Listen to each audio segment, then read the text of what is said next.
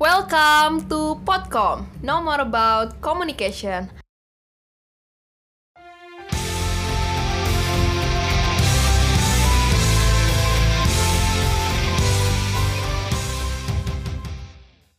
Halo semuanya, baik lagi sama gua Nadia Detri di podcast Ilmu Komunikasi episode 2 Kali ini walaupun sendirian aja, tapi harus tetap semangat ya Karena gua ditemenin sama dua narasumber yang pastinya kece-kece dan sangat berintelektual lah gitu ya. Nah, dua narasumber kita ini salah satunya ada mahasiswa aktif Universitas Pakuan yang sekarang ini kerjanya karena corona lagi melanglang buana aja nih di Instagram, TikTok, Instagram, TikTok. Sama satunya lagi nih ada jebolan ilmu komunikasi Universitas Pakuan yang sekarang udah jadi dosen di Universitas Pakuan sendiri. Nah, pasti kalian semua pada penasaran kan bakal ngobrol apa aja nih sama dua narasumber yang keren-keren ini. Langsung aja karena ladies first, kita langsung pengen narasumber pertama kita ada Erisa Fadila. Halo Mbak Er. Halo. Apa kabar nih Mbak Er? Alhamdulillah baik, baik. Aduh, corona ya. Kapan kita terakhir Mm-mm. ketemu nih? Kapan ya udah lama banget ini social distancing ya. Aduh, sekali lagi ya kita melakukan rekaman ini dengan protokol kesehatan. Iya, tentunya dengan jaga jarak aman ya. Aman banget pokoknya. Aduh, Mbak Er, gimana sih nih? Karena corona nih pasti terhambat banget dong kegiatan. Mm-mm, Kegiatan. Paling kita rata-rata online ya sekarang. Iya, terus gimana nih Mbak Er kegiatannya sehari-hari? Sehari-hari sekarang sih selain kuliah online ya, kalau misalnya ada eh, jadwal kuliah kan kuliah nih. Kalau misalnya lagi nggak ada ya paling kita kan nggak bisa ke mana-mana juga ya. Betul. Paling ya main media sosial gitu dari TikTok ke Instagram, balik lagi ke WhatsApp ya kayak gitu-gitu aja sih ngisi aktivitasnya. Ya, memanfaatkan online-online ini ya. Ya jadi interaksinya sama teman-teman juga online kayak gitu. Aduh, rada berat ya kangen Iya, juga kangen berinteraksi banget. biasa. Ngumpul-ngumpul. Nih seperti yang kita semua tahu nih, Mbak Er kan pasti sibuk banget nih kalau biasanya sama organisasi. Mm-mm. Gimana sih nih? Pasti terhambat banget dong organisasi sekarang harus online. Itu Iya, gimana yang dirasain? Bener banget nih semenjak uh, pandemi nih ya, terutama mungkin organisasi gitu para organisator juga ngalamin nih kalau misalnya kita ruang geraknya tuh sekarang jadi lebih terbatas kan kayak kita mau ngadain kegiatan atau kayak program kerja nih yang udah kita rancang sedemikian rupa tapi ya terhambat lah akhirnya kita rubah planning. Ya nggak sih? Kayak gitu. Plan A, plan B, plan A, plan B aja ya jadi berarti. ya penyelenggaraan kegiatannya ya online gitu loh. Puter otak lagi kayak gitu sih. Iya. Terus kalau boleh tahu nih ya kita Mbak Er tuh pertama kali berorganisasi tuh kapan sih? Mulai dari SD ke SMP siapa tahu gitu kan. SD organisasi apa ya SD? Kalau misalnya aku sendiri sih sempet aktif dulu tuh di OSIS ya, zaman sekolah kan OSIS itu waktu SMP. Hmm. Tapi waktu masuk ke SMA itu aku udah eh, berhenti, bukan berhenti ya, vakum. lah, ngebadung gitu. vakum ya bahasa kerennya Kerennya. gitu. Jadi nggak ikut organisasi sama sekali nih waktu di SMA. Waktu SMP itu aku ikut OSIS Paskibra ya zaman awal-awal. Terus udahlah setelah itu eh, main-main kayak gitu, mulai aktif lagi mencoba lagi itu pas masuk kuliah karena kan di jurusan ilmu komunikasi ini ya ada klub profesi ya. Dulu aku cobalah masuk ke sana. Gitu. Jadi eh, mulai lagi pas kuliah awal sih. Waduh, emang Mbak Erni udah terkenal banget sih Queen of MC ilmu komunikasi. Kayaknya di mana-mana MC-nya Erisa Fadila lagi, Erisa Fadila lagi. Ya, begitulah ya. Selagi ada Aduh. kesempatan kita ambil aja kan. Sikat buat aja. pengalaman tentunya. Kan selama ini Mbak Er udah 7 semester ya di Unpak ya? Ah, 7 semester. Selama 7 semester nih kegiatannya nih selain udah pasti nih berorganisasi dan juga kuliah, ada lagi nggak sih kegiatan-kegiatan sampingan atau Kalau kegiatan sampingan ya di selama kuliah nih nggak ada sih. Kayaknya aku eh, sibuknya lebih di organisasi aja. Terus paling ya perkumpulan sama teman-teman aja sih. Cuman kayak mungkin aku lebih ikut kegiatan kalau ada apa nih misalnya event kayak gitu aku ikut. Misalnya untuk nambah-nambah relasi sih sebenarnya terus mungkin kalau misalnya ada program-program mahasiswa sempat ikut eh, terlibat juga dua tahun nih Hmm. terus alhamdulillah tahun ini kan lolos nih katanya jadi nanti kita lanjut lah ada Aduh. kegiatan nih di semester sekarang gitu. Kita secret masih secret nih berarti kegiatannya. iya pokoknya aku ngurusin program mahasiswa lah gitu Mantap. Tapi nih Mbak Er kan kita semua tahu nih. Jadi sebelumnya nih Mbak Er kan sebagai ketua umum dari salah satu klub yang pastinya empat klub kita kan unggul semua nih. Salah satunya nih ada ICPR dan Iya. Mbak memiliki kesempatan buat jadi ketua nih. Gimana sih? Dulu tuh gimana pas jadi ketua tuh ngebagi Kebetulan waktu kali ya. gitu. waktu itu alhamdulillah diamanahin satu tahun di ICPR ya Heeh. jadi ketua umum terus apa pertanyaannya Eh, gimana sih caranya Mbak Er bisa bagi waktu nih dulu pas jadi ketua kan sibuk banget sama kegiatan pribadi dan juga kesibukan-kesibukan lainnya pastinya. ya sebenarnya udah pasti kesita banget tuh ya waktu pribadi saat kita punya posisi jadi pemimpin ya misalnya Heeh. dibilang di situ kan eh, otomatis kita emang harus eh, mengorbankan waktu-waktu kita yang lain tentu kayak main berkurang mungkin waktu dengan keluarga juga berkurang itu kan resiko ya Iya. ketika kita memilih di sana sampai akhirnya ya udah untuk bagi waktunya mungkin satu tahun aku terkuras untuk itu gitu. Tapi Heeh. karena aku suka karena aku seneng bahkan mungkin udah sayang sama tempat itu Oh. jadi aku have fun jalaninnya tuh nggak nggak yang bete atau kayak duh gimana? gitu banyak ngeluhnya. Tapi kayak emang aku have fun aku seneng. Untuk bagi waktunya ya aku enjoy gitu nggak ada yang untuk dipikirin. Mungkin eh, kalau cara aku ya untuk manage si organisasi sama akademik misalnya. Itu aku biasanya sih bikin kayak list gitu. Aku biasa hariannya tuh bikin list untuk apa nih yang bakal aku lakuin atau kayak target per minggu biasanya. Misalnya Iya. kayak kalau di organisasi ada kegiatan apa nih? Satu minggu atau satu bulan itu aku catet. Nanti kalau misalnya emang udah selesai aku coret ganti ke yang baru. Jadi lebih terstruktur gitu. Kalau aku sih caranya gitu. Cuman kan orang beda-beda ya By the way ini boleh dicatat nih. Apa nih? Boleh banget dicatat yang Iya, tadi tips and Iya, triknya. boleh itu menurut aku di aku fungsi banget sih karena jadi kita mengerjakan sesuatunya tuh teratur, nggak berantakan, nggak keteteran gitu. Keteteran sih pasti ya. Iyalah. Apalagi mahasiswa tengah-tengah semester tuh udah sibuk banget. Aduh. Pasti kayak percintaan lancar tapi percintaan. Eh, lancar terus itu itu beda. Kayaknya yang banyak ditanya tuh gimana cara baginya organisasi kuliah sama bucin. Ah, itu gimana bucin ya? itu bucin? Sebenarnya ini harus dibahas nih. soalnya di TikTok nih bucin, Hmm. pengen kepo, kayaknya pada kepo nih pasti. Sebenarnya yang penting kalau masalah itu ya hubungan kan mungkin banyak lah orang-orang yang kayak gitu juga. Tapi yang penting kita punya ini nggak soal pasangan ya untuk temen juga nih misalnya temen-temen kan kadang ada yang nggak ngerti nih kalau misalnya kumpul-kumpul tapi kita nggak bisa kumpul karena organisasi ya harusnya lingkungan itu saling support sih menurut aku. Jadi ketika emang lingkungan kita support kita tahu eh, kita harus ngapain bagi waktunya ngapain kalau misalnya emang lingkungan yang baik pasti pasti support pasti dukung dan pasti kita juga nggak nggak bakal keteteran. Karena mereka ngerti ketika kita harus ke organisasi ketika kita harus main sama mereka. Jadi ada waktunya masing-masing ada porsinya lah kayak gitu Selama ini nih Mbak Er ngasih pengertian ke teman, baik ke teman atau ke pasangan itu untuk masalah sibuk organisasi itu gimana?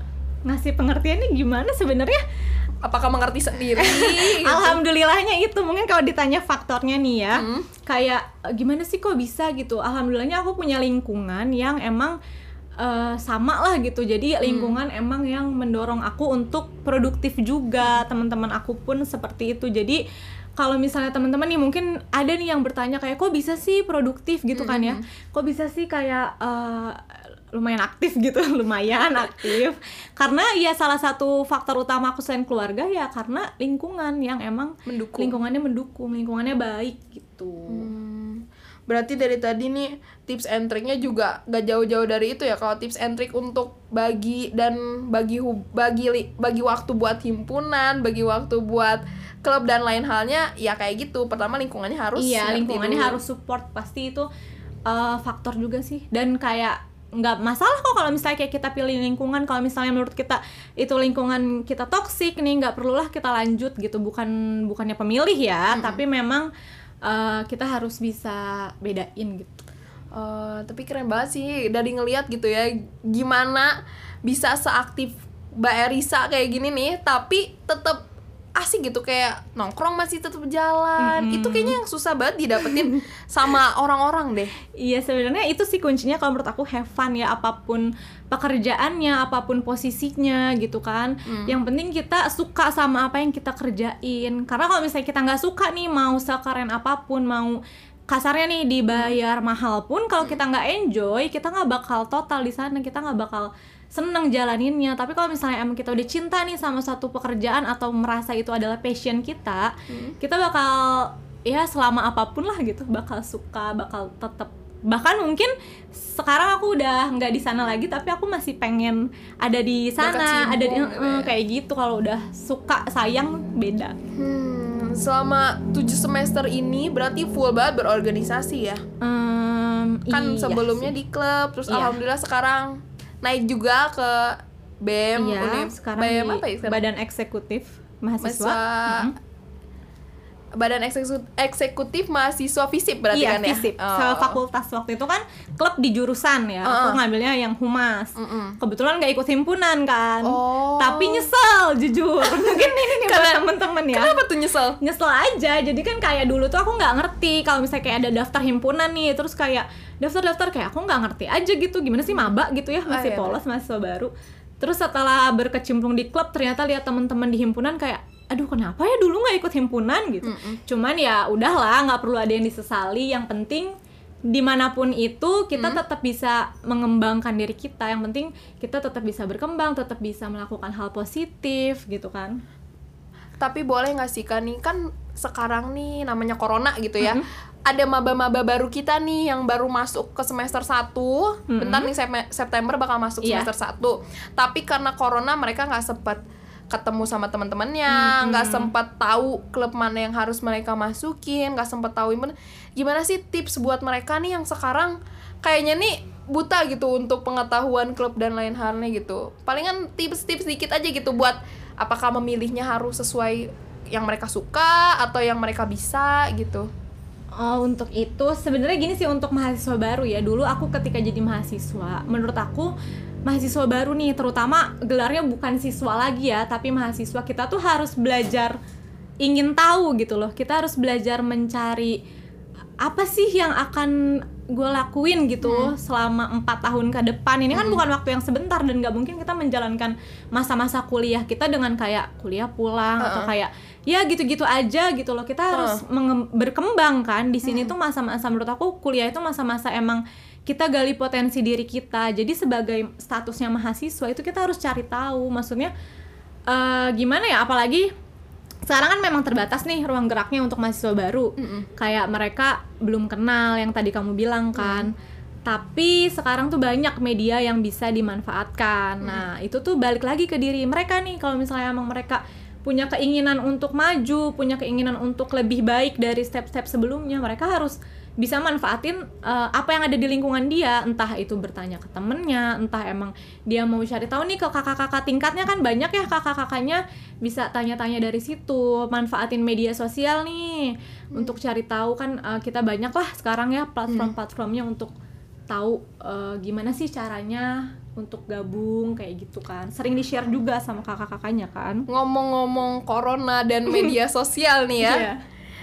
Kak Risa ini gimana sih cara nge-manage media sosialnya? Dari yang tadinya kan pakai media sosial cuman untuk share bareng-bareng teman, mungkin Iya, sampai iya, sekarang alhamdulillah mungkin udah bisa naik juga gitu kalau aku lihat-lihat. Gak apa kak. Iya, bagi-bagi iya, tipsnya dikit. Mungkin ada juga nih teman-teman yang pengen kayak Teh Risa yang udah pada kenal gitu ya pastilah pada kenal. Kalau bagi tips media sosial tuh gimana ya sebenarnya branding atau gimana Uh-uh, gitu. branding diri sih itu masuknya. Cuman kayak aku lebih enjoy aja nih eh, pakai media sosial. Mungkin karena emang aku orangnya hobi nge-expose gitu loh. Jadi kayak misalnya kegiatan apa aku expose kegiatan apa aku expose gitu. Narsis ya lebih dibilangnya narsis. Cuman kayak lama-lama kok narsis aku ini bisa menguntungkan untuk diri aku sendiri gitu. Terutama relasi. Jadi dari aku yang sering share-share misalnya aku MC kayak gitu kan. Jadi orang-orang yang lihat story aku tuh oh tahu nih kalau misalnya Erisa tuh suka nge-MC. Jadi dari situ aku ditawarin lah kayak gitu kan untuk MC atau kayak banyak lah relasi yang terjalin dari media sosial aku. Tipsnya sih ya kita eh, bermedia sosial dengan baik aja gitu. Jangan eh, maksudnya kita manfaatin eh, kan bisa nih kita ambil positif negatifnya ya kita manfaatin untuk cari-cari hal positif atau emang kita share hal positif. Kalau aku lebih pakai share pengalaman aku sih karena eh, sekecil apa pun pengalaman kita, sekecil apa pun halnya pasti di luar sana bakal ada orang yang membutuhkan dan menganggap bahwa itu tuh manfaat gitu. Oh, keren banget sih gila. Aku suka banget nih pan- pandangan Teresa yang tadi ngomong kalau misalnya media sosial tuh emang nggak terbatas dan semua orang nggak pernah tahu manfaatnya di mana buat yang ngelihat itu.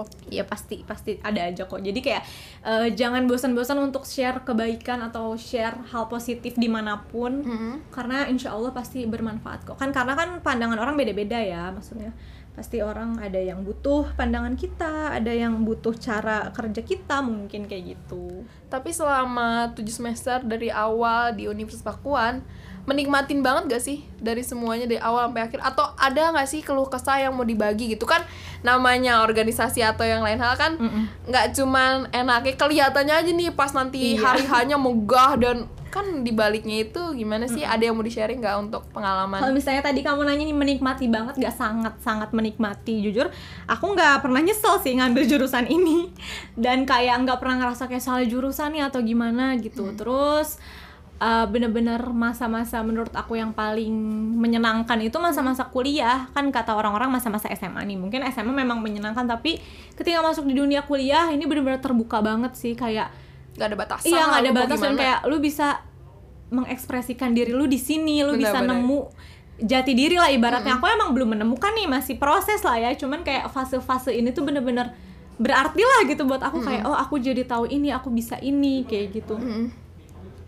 Keren banget sih tapi emang bener sih ya namanya mungkin dulu SMA memang seru kita ngebandel atau gimana tapi ada namanya batasan gitu ya. iya Kalau kuliah nih kayaknya enak. bener-bener diri kita tuh mengeksplor semuanya di situ Kalau kalian nih yang dengar mau mengeksplor diri kalian selama kuliah itu ada aja semua kesempatannya Pasti. tergantung balik lagi sama kalian. Bener, karena kuncinya itu adalah kemauan diri kita gitu. Kalau misalnya, kak kok bisa sih kayak gini? Aduh, aku introvert nih, nggak bisa deh kayak gitu. Pengen Nah, iya kayak tuh gini. banyak banget Iya, itu yang mau banyak kayak gitu. Kayak gitu. Nah, kuncinya itu kemauan diri kita nggak ada yang nggak mungkin, nggak ada yang nggak bisa. Nah, ketika emang ada kesempatan, ambillah dan maksimalkan di situ. Karena ya kalau kita udah kasih yang terbaik dari diri kita, pasti kesempatan-kesempatan berikutnya akan datang gitu. Nih, Kak, kan karena keterbatasan balik lagi nih karena keterbatasan informasi tadi, mungkin ada beberapa pendengar kita nih yang mahasiswa baru atau justru malah mahasiswa-mahasiswa sekarang yang ngerasa salah jurusan lah di komunikasi atau ngerasa kayaknya gua gak usah ikut klub deh atau kayaknya eh gue nyesel deh nggak ikut klub. Itu gimana sih? Boleh nggak bagi pesannya buat mereka yang mungkin sekarang ngerasa telat gak ikut klub kayak atau buat mereka yang sekarang lagi jenuh di klubnya Iya, iya, atau iya. buat teman-teman yang ngerasa salah jurusan juga tuh gimana? Untuk salah jurusan nih, ini ada tiga poin ya. Iya, gak apa-apa biar anda pusing Oke. nih. salah jurusan menurut aku pribadi dan sebenarnya aku pernah baca juga. Salah jurusan ini tuh sejujurnya nggak ada karena di kuliah ini kita tuh kita yang cari gitu loh, bukan kayak jurusan yang menyesuaikan dengan diri kita. Tapi ketika kita nyebur nih di satu kolom gitu ya, Heeh. nyebur di satu tempat, di situ yang kita cari passion kita gitu. Jadi salah jurusan tuh sebenarnya nggak ada karena passion itu kita cari bukan ada dari lahir itu kan berbeda dengan bakat gitu. Jadi emang sebenarnya ketika kita menikmati, ketika kita mencoba menggali, mencoba memahami salah jurusan itu nggak bakal ada gitu loh. Kalau menurut aku pribadi. Terus yang kedua untuk jenuh ya, sebenarnya jenuh itu wajar banget. Dan pasti nih setiap kegiatan tuh ada jenuhnya. Dan balik lagi kayak yang aku tadi bilang, ketika kita emang udah suka sama apa yang kita lakuin, insya Allah fase-fase jenuh itu bakal bisa kok kita lewatin. Yang yang penting itu yang kita pegang adalah komitmen. Ketika kita pilih untuk masuk, ketika kita pilih misalnya masuk klub atau masuk himpunan gitu, kita kan udah komitmen untuk bergabung di sana, untuk mendedikasikan diri kita di sana. Berarti rasa jenuh itu harus dilawan gitu. Rasa jenuh itu bukan alasan untuk kita berhenti gitu. Berhenti itu bukan karena jenuh, tapi berhenti itu karena kita udah sampai gitu. Yang ketiga apa? Yang ketiga adalah buat anak-anak yang sekarang mungkin nyesel gak masuk Oh, klub. nyesel nggak masuk Apa klub. ada tipsnya? Ya udah nggak apa-apa kalian nggak klub tapi Iya, iya, gimana iya, iya. gitu. Itu banyak banget sih kayak uh, aku pernah denger teman-teman dibilang kayak aduh nyesel banget nih udah semester akhir tapi pengen ikut organisasi udah terlambat kayak gitu Iya, kan. betul. Sebenarnya untuk produktif atau misalnya apa nih hal yang pengen diincar di organisasi kalau misalnya kita nggak bisa jalanin di kampus itu nggak masalah masih banyak tempat lain yang emang uh, bisa kita gali di sana gitu. Misalnya kayak komunitas di luar kampus itu kan nggak masalah yang penting itu positif gitu. Itu kan semuanya ngegali apa ya ibaratnya skills Potensi. kita ya potensi kita skills kita gitu kan. Di sana tuh ngelatih juga gitu loh. Mm, bener banget jadi sih. banyak tuh yang bilang kayak aduh nggak sempat organisasi nih soalnya kerja. Itu menurut aku sama aja sih karena Iya. sama-sama di mana pun itu ya balik lagi. Yang penting kita bisa uh, dapat apa ya ibaratnya dapat pengalamannya dapat relasinya gitu Nah, terima kasih banget nih dari tadi kita udah ngomong panjang lebar segala macam tentang organisasi bahkan sampai kehidupan pribadi ini kita Oh, iya korek-korek ya. nggak apa-apa nggak Sesuai apa-apa, sharing. request teman-teman kayaknya yang banyak kepo bukan masalah organisasi tapi masalah percintaan kalau ya. masalah kehidupan pribadi bisa tanya langsung Langsung aja aku. dicek Instagram dan TikToknya. iya banyak Aduh. juga kok yang sering sharing-sharing di DM sama aku misalnya masalah kuliah atau masalah iya, tapi kok Anda mau mendengarkan itu Oh, ya? saya senang. Saya memang senang mendengar masalah orang. bercanda, bercanda. Saya senang diskusi, apalagi sekarang kan gak ada kegiatan nih. Jadi kayak aku open aja diskusi atau ya sharing-sharing gitulah di Instagram. Nah, mungkin nih dari podcast ini mungkin ada yang masih kurang jelas atau gimana. Hmm. Boleh kan nanya-nanya, Boleh, Kak? boleh banget langsung aja DM. Iya di Erisa Fat ya Iya. cari aja lah udah pada tahu pasti ya.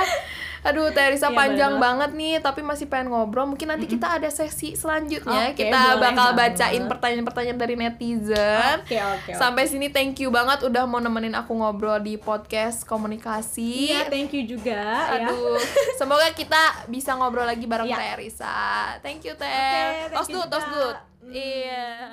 Halo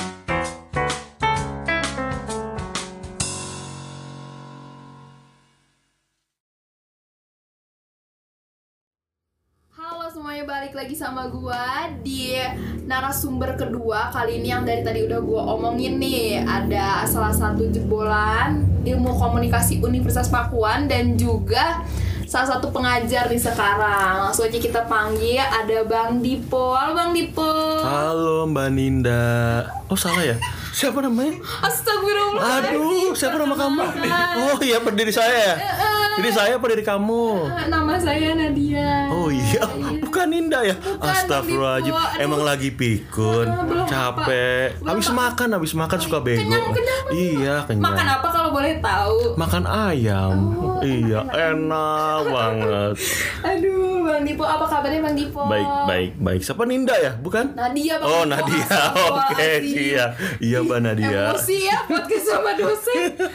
Aduh, Bang Dipo Oke. tadi sehat alhamdulillah. Terus gimana nih Oke. kesehariannya sejak corona? Oh, kesehariannya sejak corona yaitu melakukan semester antara. Oh, oh iya. Iya, semester antara. Semester antara ini lewat e-learning Pakuan yang baru dibuat itu ternyata efektif juga karena simple sebetulnya. Mudah-mudahan, ya simple banget pemakaiannya. Mudah-mudahan juga dosen bisa pakai itu secara efektif, mahasiswa juga bisa pakai itu secara efektif. Tapi memang namanya teknologi pasti aja ada kurangnya. Sangat disayangkan. Terus abis itu kerjaan gue yang kedua adalah apa? Ini bener-bener butuh konsentrasi banget tuh nggak? Apa tuh? Ah, main game.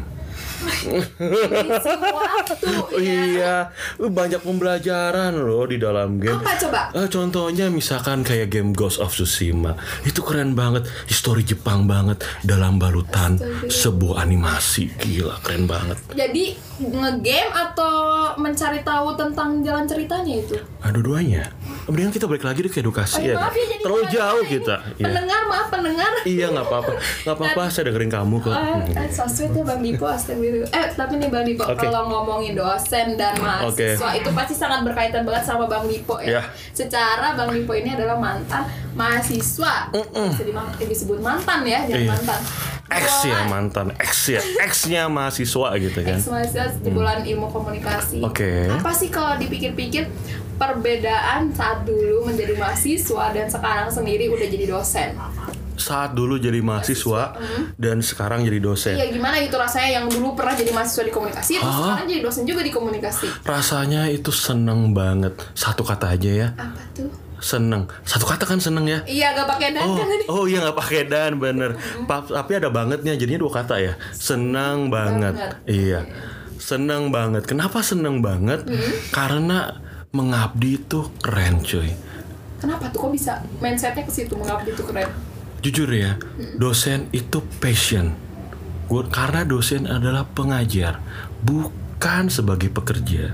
Waduh, Berarti ada pengabdian dong dalam mengajar, ya nggak? bener-bener bener. Iya, di situ bentuk totalitas sangat sangat sangat dibutuhkan.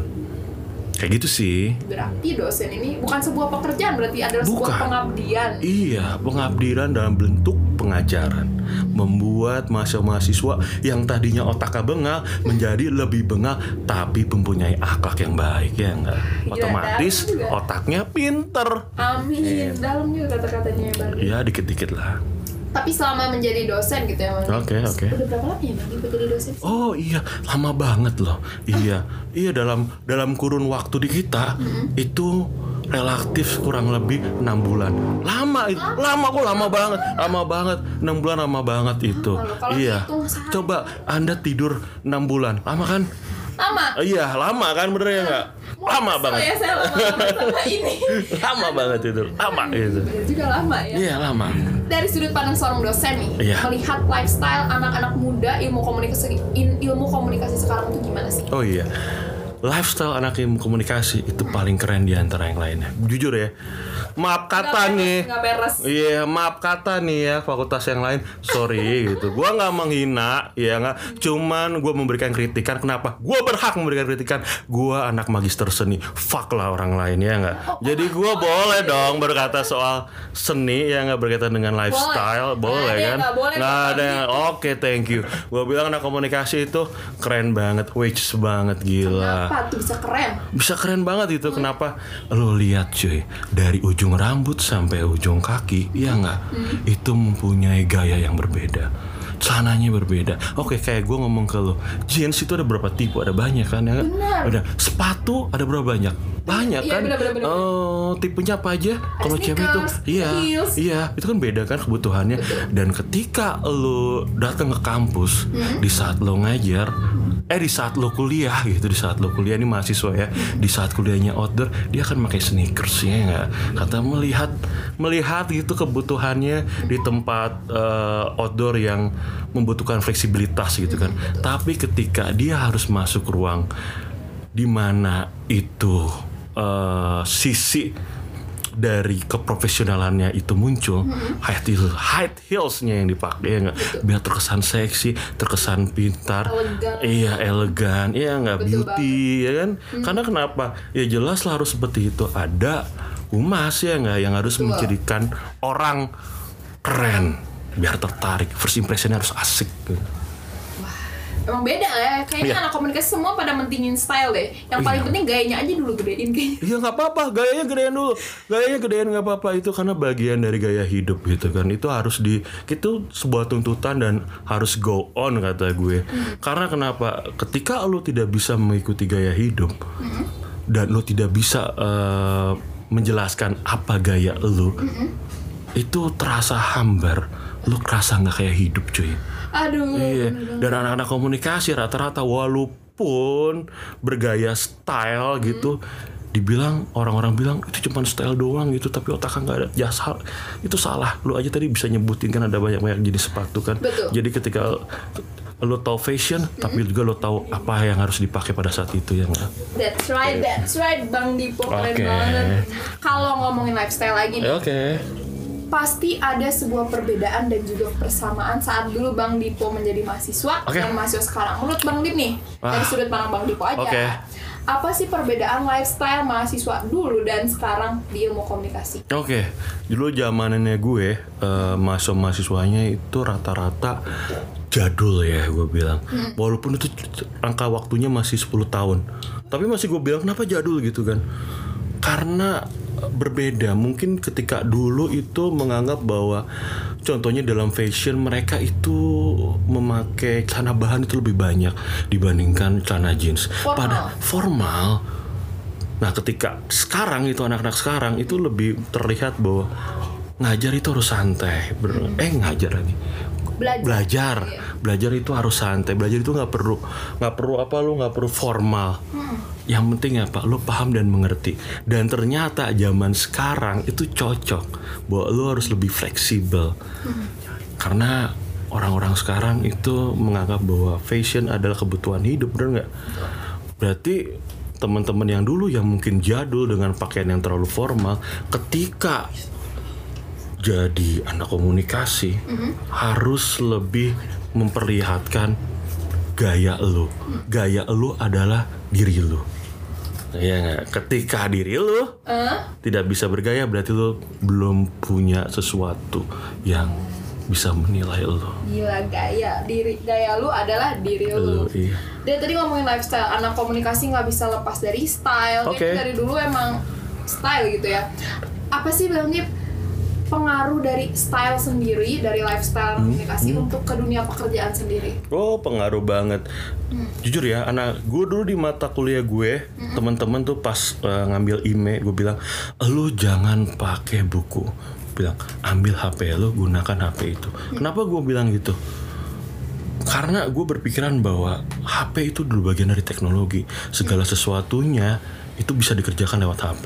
Kalau dari sekarang lu tidak bisa menggunakan HP itu sebagai bahan edukasi lu, bahan edukasi lu, berarti sama aja bohong kan kalau kayak gitu. Makanya lu beruntung banget masuk komunikasi orang-orang yang bisa paham dengan teknologi sekarang berkaitan dengan media, media pun lagi hype sekarang kan terutama media sosial. HP adalah senjata utama lo. Ketika lo bisa memanfaatkan itu, lo berarti safe di dunia sekarang, cuy. Berarti jangan cuma ngomongin masalah gue berpena- berpenampilan, berarti pengetahuan kita akan media yang sekarang Iya. itu penting. Oh, penting banget. Kenapa tuh Bang Dip bisa dijelasin nggak? Kenapa menurut sudut pandang Bang Dipo zaman sekarang itu penting banget untuk mengusaha- menguasai media? menguasai media itu penting banget media itu penting banget digunakan karena alasannya adalah satu zaman sekarang udah pasti zaman digitalisasi ya. Segala sesuatunya itu serba modern. Segala sesuatunya berbau elektronik ya kan? Semua pekerjaan itu membutuhkan elektronisasi membutuhkan digitalisasi. Jadi ketika kal- kalian mau beradaptasi, mau mencari pekerjaan, mau mencari nafkah, mau mencari pengalaman, ya mau nggak mau harus mempelajari teknologi ya sebagai bentuk pertahanan lo untuk bertahan di masa sekarang. Ya contohnya gini aja simpelnya. Lu sekarang karena corona ini WF, WFH bener nggak? Jarak jauh. Itu yang dibutuhkan apa? Teknologi ya nggak? Ada internet ada uh, alat perekamnya terus belum lagi juga mungkin ada mixer dan lain-lainnya untuk komunikasinya biar bagus. Iya. kan dibutuhkan teknologi. Kalau lu nggak belajar teknologi lu nggak akan bisa melakukan pembelajaran sekarang apalagi di masa covid sekarang kan Betul banget sih. Tapi ini COVID sangat berdampak banget ya ke iya iya dapat Menurut Bang Dipo gimana tuh? Ngajar jadi susah gara-gara COVID tuh? sebetulnya susah banget ya. Teknologi hanya alat. Tapi ketika lo belajar itu kan membutuhkan ikatan emosional ya. Biar apa? Biar lebih memahami biar lebih mengerti biar lebih bisa menjadi sugesti. Kayak gini aja sih kita bayangkan. Lo pacaran gitu menggunakan zoom anjir emosinya nggak dapet Iya nggak Belum buffering. Iya, aduh informasinya cut yang ada nanti muncul lagi. Aku putus, iya kan? Iya bisa aja kan ya. Bener juga. Iya, yang adanya walaupun dia bilang itu sinyalnya putus-putus gitu kan. Aku sinyal aku putus-putus, tapi kan nggak tahu kan karena buffering jadi miskomunikasi kan. Kok jadi iyain lagi nanti putus? Iya, jadinya nggak asik informasinya gampang banget terkat walaupun memang sekarang banyak teknologi yang mendukung, tapi tetap aja namanya alat elektronik pasti selalu ada masalah. Ngomongin tadi teknologi dan Ya. pekerjaan yang sangat berkaitan dengan komunikasi nih ya. Oke. Menurut Bang Dipo, prospek kerja untuk anak komunikasi gimana sih?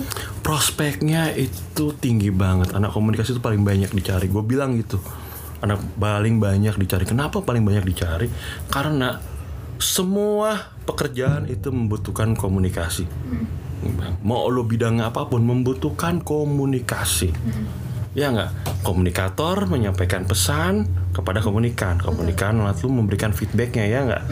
Kepada komunikator. Jadi ada sisi komunikasi kan di situ. Simpelnya gimana emang jujur aja namanya kerja sekarang ya nggak? Skill itu bisa didapat bisa dicari. Lu baca nonton YouTube juga bisa ya nggak? Tapi namanya relasi dan pengalaman itu susah. Relasi itu butuh dicari dari mana? Dari komunikasinya. Ya nggak? Lu nggak mungkin lu nyari relasi tiba-tiba eh, cuman eh, apa tukeran HP terus udah gitu lu anggap bahwa itu relasinya udah bagus. Enggak kan? Tapi kan ada komunikasinya pendekatan dulu ya nggak sampai akhirnya nanti baru saling mengerti memahami dan ada muncul kepercayaan. Akhirnya lu oke ayo ikut gua bekerja sama gue. Jadi kan dibutuhkan relasi ya nggak zaman sekarang. Karena juga zaman sekarang nggak percaya orang ketika melihat sosok ini tuh nggak punya komunikasinya yang bagus. Itu terlepas dari skillnya apa aja gitu jadi dibutuhkan banget komunikasi untuk anak-anak sekarang gitu. Kalau dari pengalaman Bang Dipo sendiri nih, dari Iya. mendapatkan relasi dan Oke. pengalaman itu tuh biasanya Bang Dipo tuh dapetnya dari mana sih? Oke. Dulu mungkin saat jadi mahasiswa, Oh ya. tuh relasi Nih, itu ini dibangun? ini ini pengaruh banget sama gua dulu pas penelitian S2 ya. Jadi gua tuh belajar komunikasi. Jujur ketika gua ngalamin belajar itu rasanya annoying banget. Males banget ngapain sih belajar teori komunikasi? Ngapain sih belajar persuasif buat apa gitu? Capek banget ngapalin bla bla bla teori Maxwell dan lain-lainnya gitu. Bleh, fuck gue sampai sekarang aja nggak apal gitu kan. Iya. Cuman gue inget beberapa dosen kayak Pak Muslim, Bu Dini, Pak Yoga dan lain-lain bilang ke gue, lo ketika lo ketika bisa menggunakan komunikasi, lo bisa mendapatkan hal yang di mana gak bisa so, deh, dengan ilmu lain lo gak bisa dapet. Itu terjadi pengalamannya di S2 gue. Kayak gimana? Dulu ketika gue di S2 gue penelitiannya di penjara kebetulan. Waduh. Ketika di penjara itu membutuhkan eh, apa ya namanya membutuhkan pendekatan yang khusus. Mm-mm. Susah lah Bang. Oh susah banget, nggak lu nggak hanya sepucuk surat di sana tuh, tapi butuh pengenalan. Mereka harus harus percaya sama gue, apa yang bisa gue berikan, gitu kayak gitu. Dan itu harus terjalin pelan pelan sampai akhirnya muncul ke kepercayaan. Salah satu hal yang bisa gue eh, cari informasi gitu ya di lapas yang membuat mereka napi terutama nih objeknya ya jadi percaya sama gue dan mereka curhat sama gue kejadiannya bahkan eh, ininya ya apa mereka masuk penjara karena kenapa gitu ya. Itu tau nggak hal yang gue inget dan itu menjadi salah satu alat yang gue gunakan di penjara itu apa? Pak Musim pernah bilang dalam persuasi ketika ingin mendekati seorang coba kamu pandang matanya. Ya nggak? Habis pandang matanya ketika dia curhat itu kamu mulai menyentuh fisiknya. Serius tapi itu fisiknya tuh dalam arti kayak pegangan tangan terus habis itu pundaknya disentuh di situ akan menjalin kepercayaan. Nah ketika melakukan metode itu orang akan percaya dan orang akan berbicara apa pun. Ketika itu lo pakai rumus yang paling sering dipergunakan dalam persuasif apa? Jadilah pendengar yang baik. Selesai jadi ilmunya dapet kan ilmu komunikasi yang gue yang gue pelajarin sama dosen-dosen tercinta kita iya Banget ya sama dosen. Yo. Tapi bener ya, semua kayak kita misalnya lagi down gitu mau Ya. cerita, saat kayak atau diusap atau misalnya Iya. dipeluk, biasanya jadi mau cerita. Iya, jadi moodnya kan jadi berubah kan? Ternyata ada hubungannya ya bisa iya, dijelaskan. iya. Nih dari, dari Bang Dipo nih kan tadi banyak lah keun- untuk prospek kerjanya untuk komunikasi sendiri banyak gitu Iya. nah lapangan kerja. Tapi pasti setiap sesuatu tuh ada tantangannya gitu. Iya. Menurut Bang Dipo sendiri untuk tantangannya itu apa sih? Tantangannya, Di tantangan di komunikasi adalah sebetulnya jawabannya simple sih dan itu tertera banget ya. Tantangannya ya pertama itu yang pastinya adalah komunikasi sendiri ya. Itu tantangan yang paling utama. Lu nggak bisa ngomong sama orang, lu nggak bisa bicara sama orang, itu bakalan hal yang paling sulit dilakukan. Yang kedua adalah ego. Yang ketiga sendiri lo bakal harus butuh toleransi sama orang. Dan yang keempat etika. Itu yang dibutuhkan sih kata gue. Itu jadi tantangan sih karena itu kan itu sebenarnya satu kesatuan sih berhubungan dengan ego lo sendiri. Tapi setidaknya ketika lo bisa ngelakuin empat hal itu segala sesuatunya bisa lancar. Itu benar harus mengatur emosi banget ya Iya. kalau kayak gitu. Iya. Wah ini perlu banget nih dicatat nih sama pendengar-pendengar kita. Iya. Nanti bakal kerja mungkin. Oke. Kalau mau nanya gitu ya, apa sih kelebihan anak komunikasi yang Hmm. nggak bisa didapetin di jurusan-jurusan lain? Kelebihannya adalah Untuk kelebih dia kerja atau bagaimana gitu? Kelebihannya adalah anak komunikasi yang dibandingkan yang lain gitu. Yang pertama adalah anak komunikasi biasanya melek teknologi ya. Teknologi yang paling baru dia bisa memperkerjakan itu semua. Yang berkaitan dengan teknologi dan media bagus dan yang paling terkenal sekarang. Ah. terus terus Bang? Itu jadi lahan kita kan, lahan emas kita dan sekarang apalagi WFA, lo pasti nggak akan jauh dari media sosial. Ya, nggak? jadi mau nggak mau itu eh, salah satu hal yang berpaling harus lo manfaatkan dan di kata gue di tempat yang lain kayak hukum atau ekonomi lo nggak akan mempelajari itu gitu. Nah di komunikasi sendiri kan ada ada macam-macam nih ya nggak? Kayak contohnya nih kenapa gue bilang sangat berpengaruh sekali di media media sekarang ya. Terus dengan dengan medianya macam-macam ada Instagram dan lain-lain kan? Betul. Ini berguna banget. Di kita ada konsentrasi empat konsentrasi ya nggak? Jurnalis misalkan. Berarti lo ketika membuat konten misalkan di media sosial lo mem- memperhatikan 5 w 1 hanya ya nggak? Ketika anak humas dia bisa menghashtag dia bisa nam- memancing para follower followernya untuk memberikan argumen-argumen yang bagus gitu kan.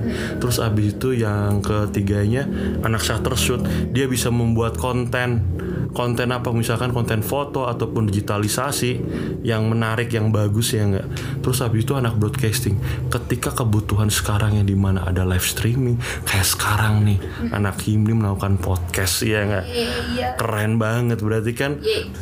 teknologi itu dipergunakan dengan baik dan ini menjadi sebuah keilmuan yang patut dibanggakan sama kita hidup anak himni dengan podcastnya Thank you, semoga lancar ya. Amin Yap. Iya sih Bang Dir.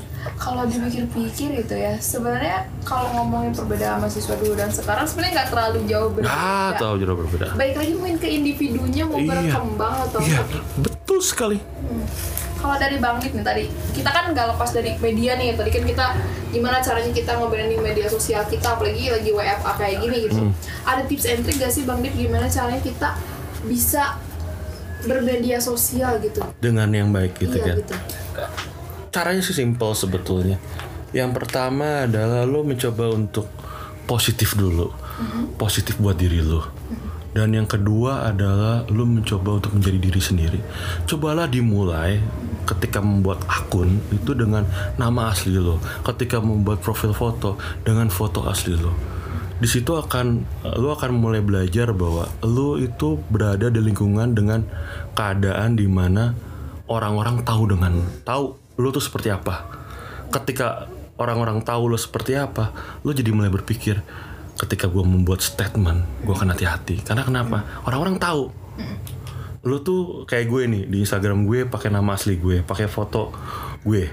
Karena kenapa? Biar gue sadar diri bahwa ketika gue nanti berkomunikasi di media sosial gue harus hati-hati. Itu kayak diri gue. Walaupun itu diri gue dalam dunia digital.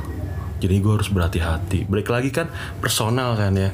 Tapi ketika lu jadi orang lain lu pakai akun fake jiwa nakal lo itu akan muncul. Karena jujur manusia ya pasti nggak jauh dari apa keisengan.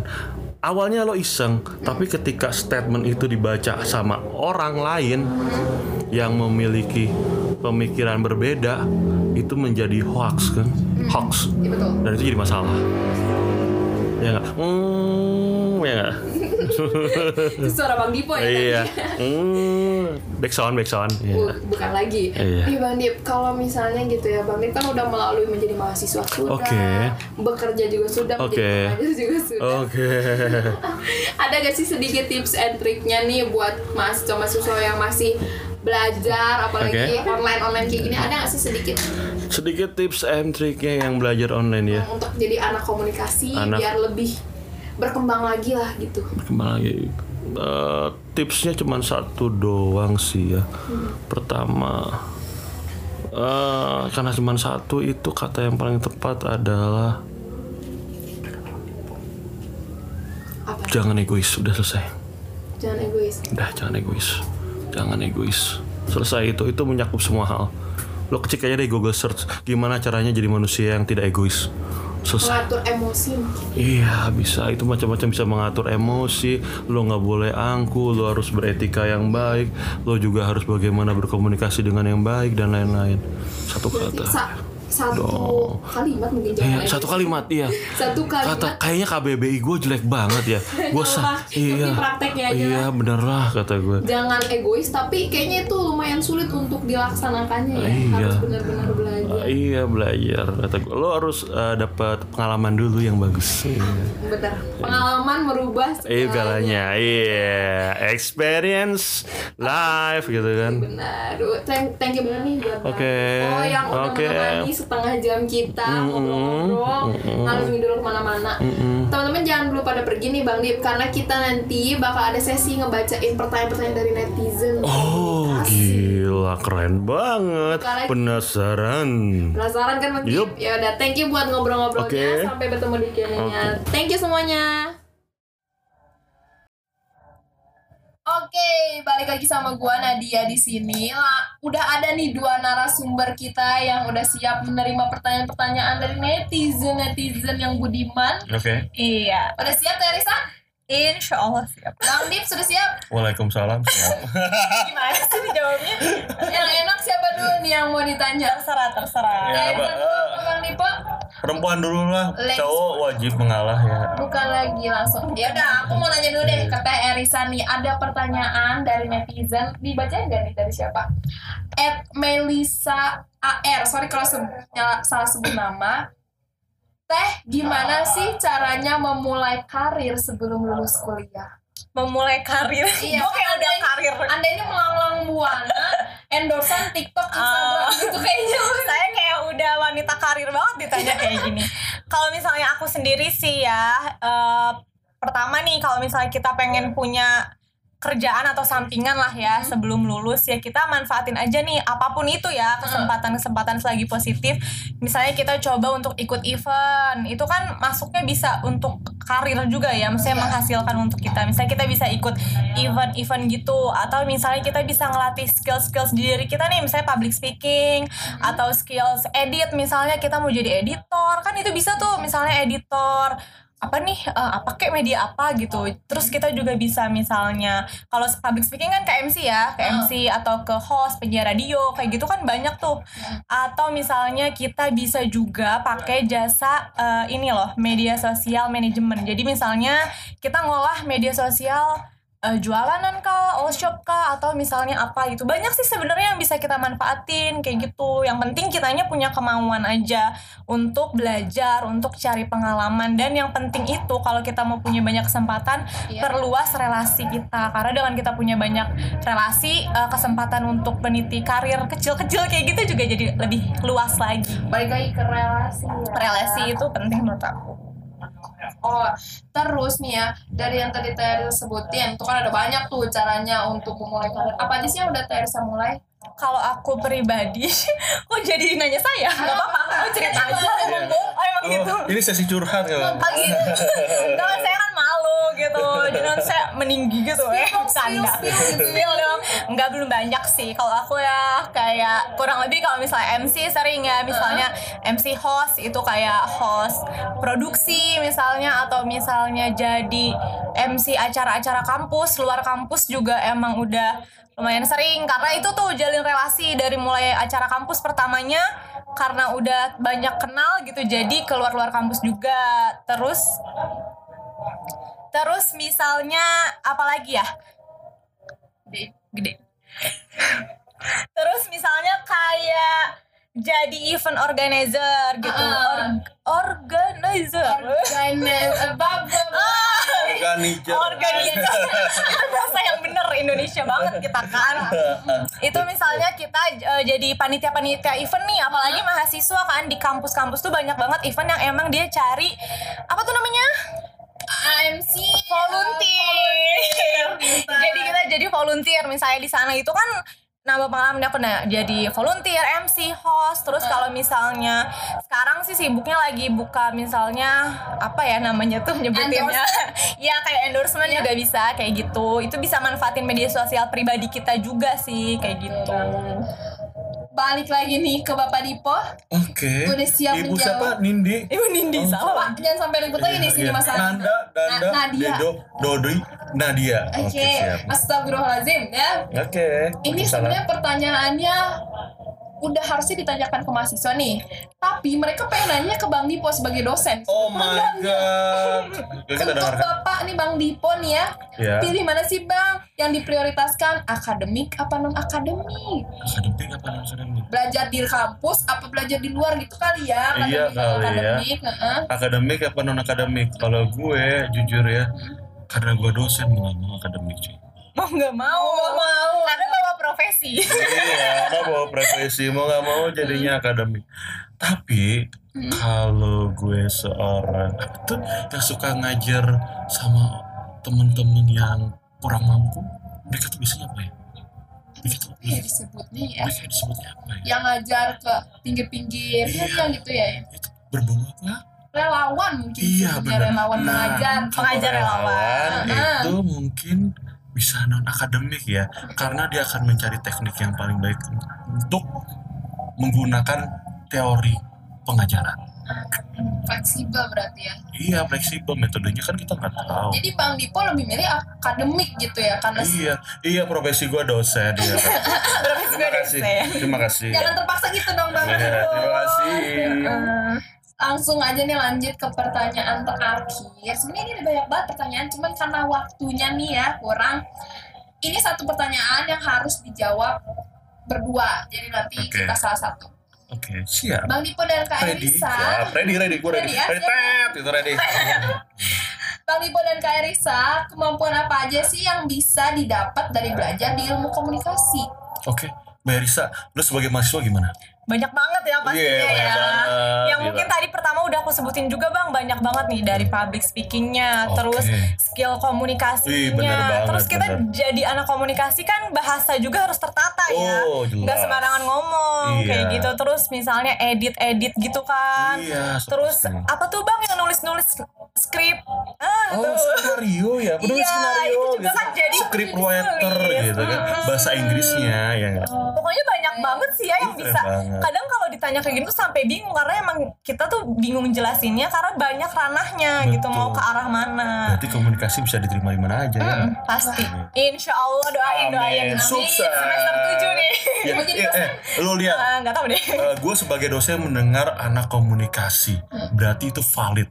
Kalau gue udah bilang valid, berarti itu bener. Karena kenapa? Gue dosen. Ya. nggak? iya Dosen, dosen jadi omongan gue langsung di Ah, gue akuin, gue tuh dosen banget. dan gue mahasiswa banget Aduh, obrolan kali ini bener-bener ya narasumber udah aduh Yang pedenya banget nih bisa. bapak Iya. dosen kita bisa semetal ini Iya. pun Aduh, siapa anda? siapa siapa ya Apa ya? Mingce bukan? Oh salah. Hmm, mahasiswa pokoknya paling hits gitu Iya. yang mahasiswa yang hits dan inspire in apa sih? inspiring Inspiring. wadah itu ya. mah Lifestyle inspiring. ya. Terima kasih banyak untuk kedua narasumber kita ada. Kak Erisa Padra dan juga. Bang Dipo mungkin ada yang mau di follow sosial medianya Eh, gue at apa? eh dapat di Sofat Oke, at itu aja ya. nambah nambahin ya. Boleh. Yang mau endorse boleh. Boleh Tenang aja gue buzzernya tenang santai. ya mudah-mudahan aja ada yang nyangkut lah ya Oh, Oke. Enak ya. maksudnya menginspirasi obrolan Oh kita iya tadi Eh, Ih, gimana bener sih? lagi. Berarti itu sukses ya nggak Iya, sebagai anak komunikasi. podcastnya bagus. Podcastnya Penyampaian bagus, komunikasinya betul. sampai buat komunikan. Iya. Betul.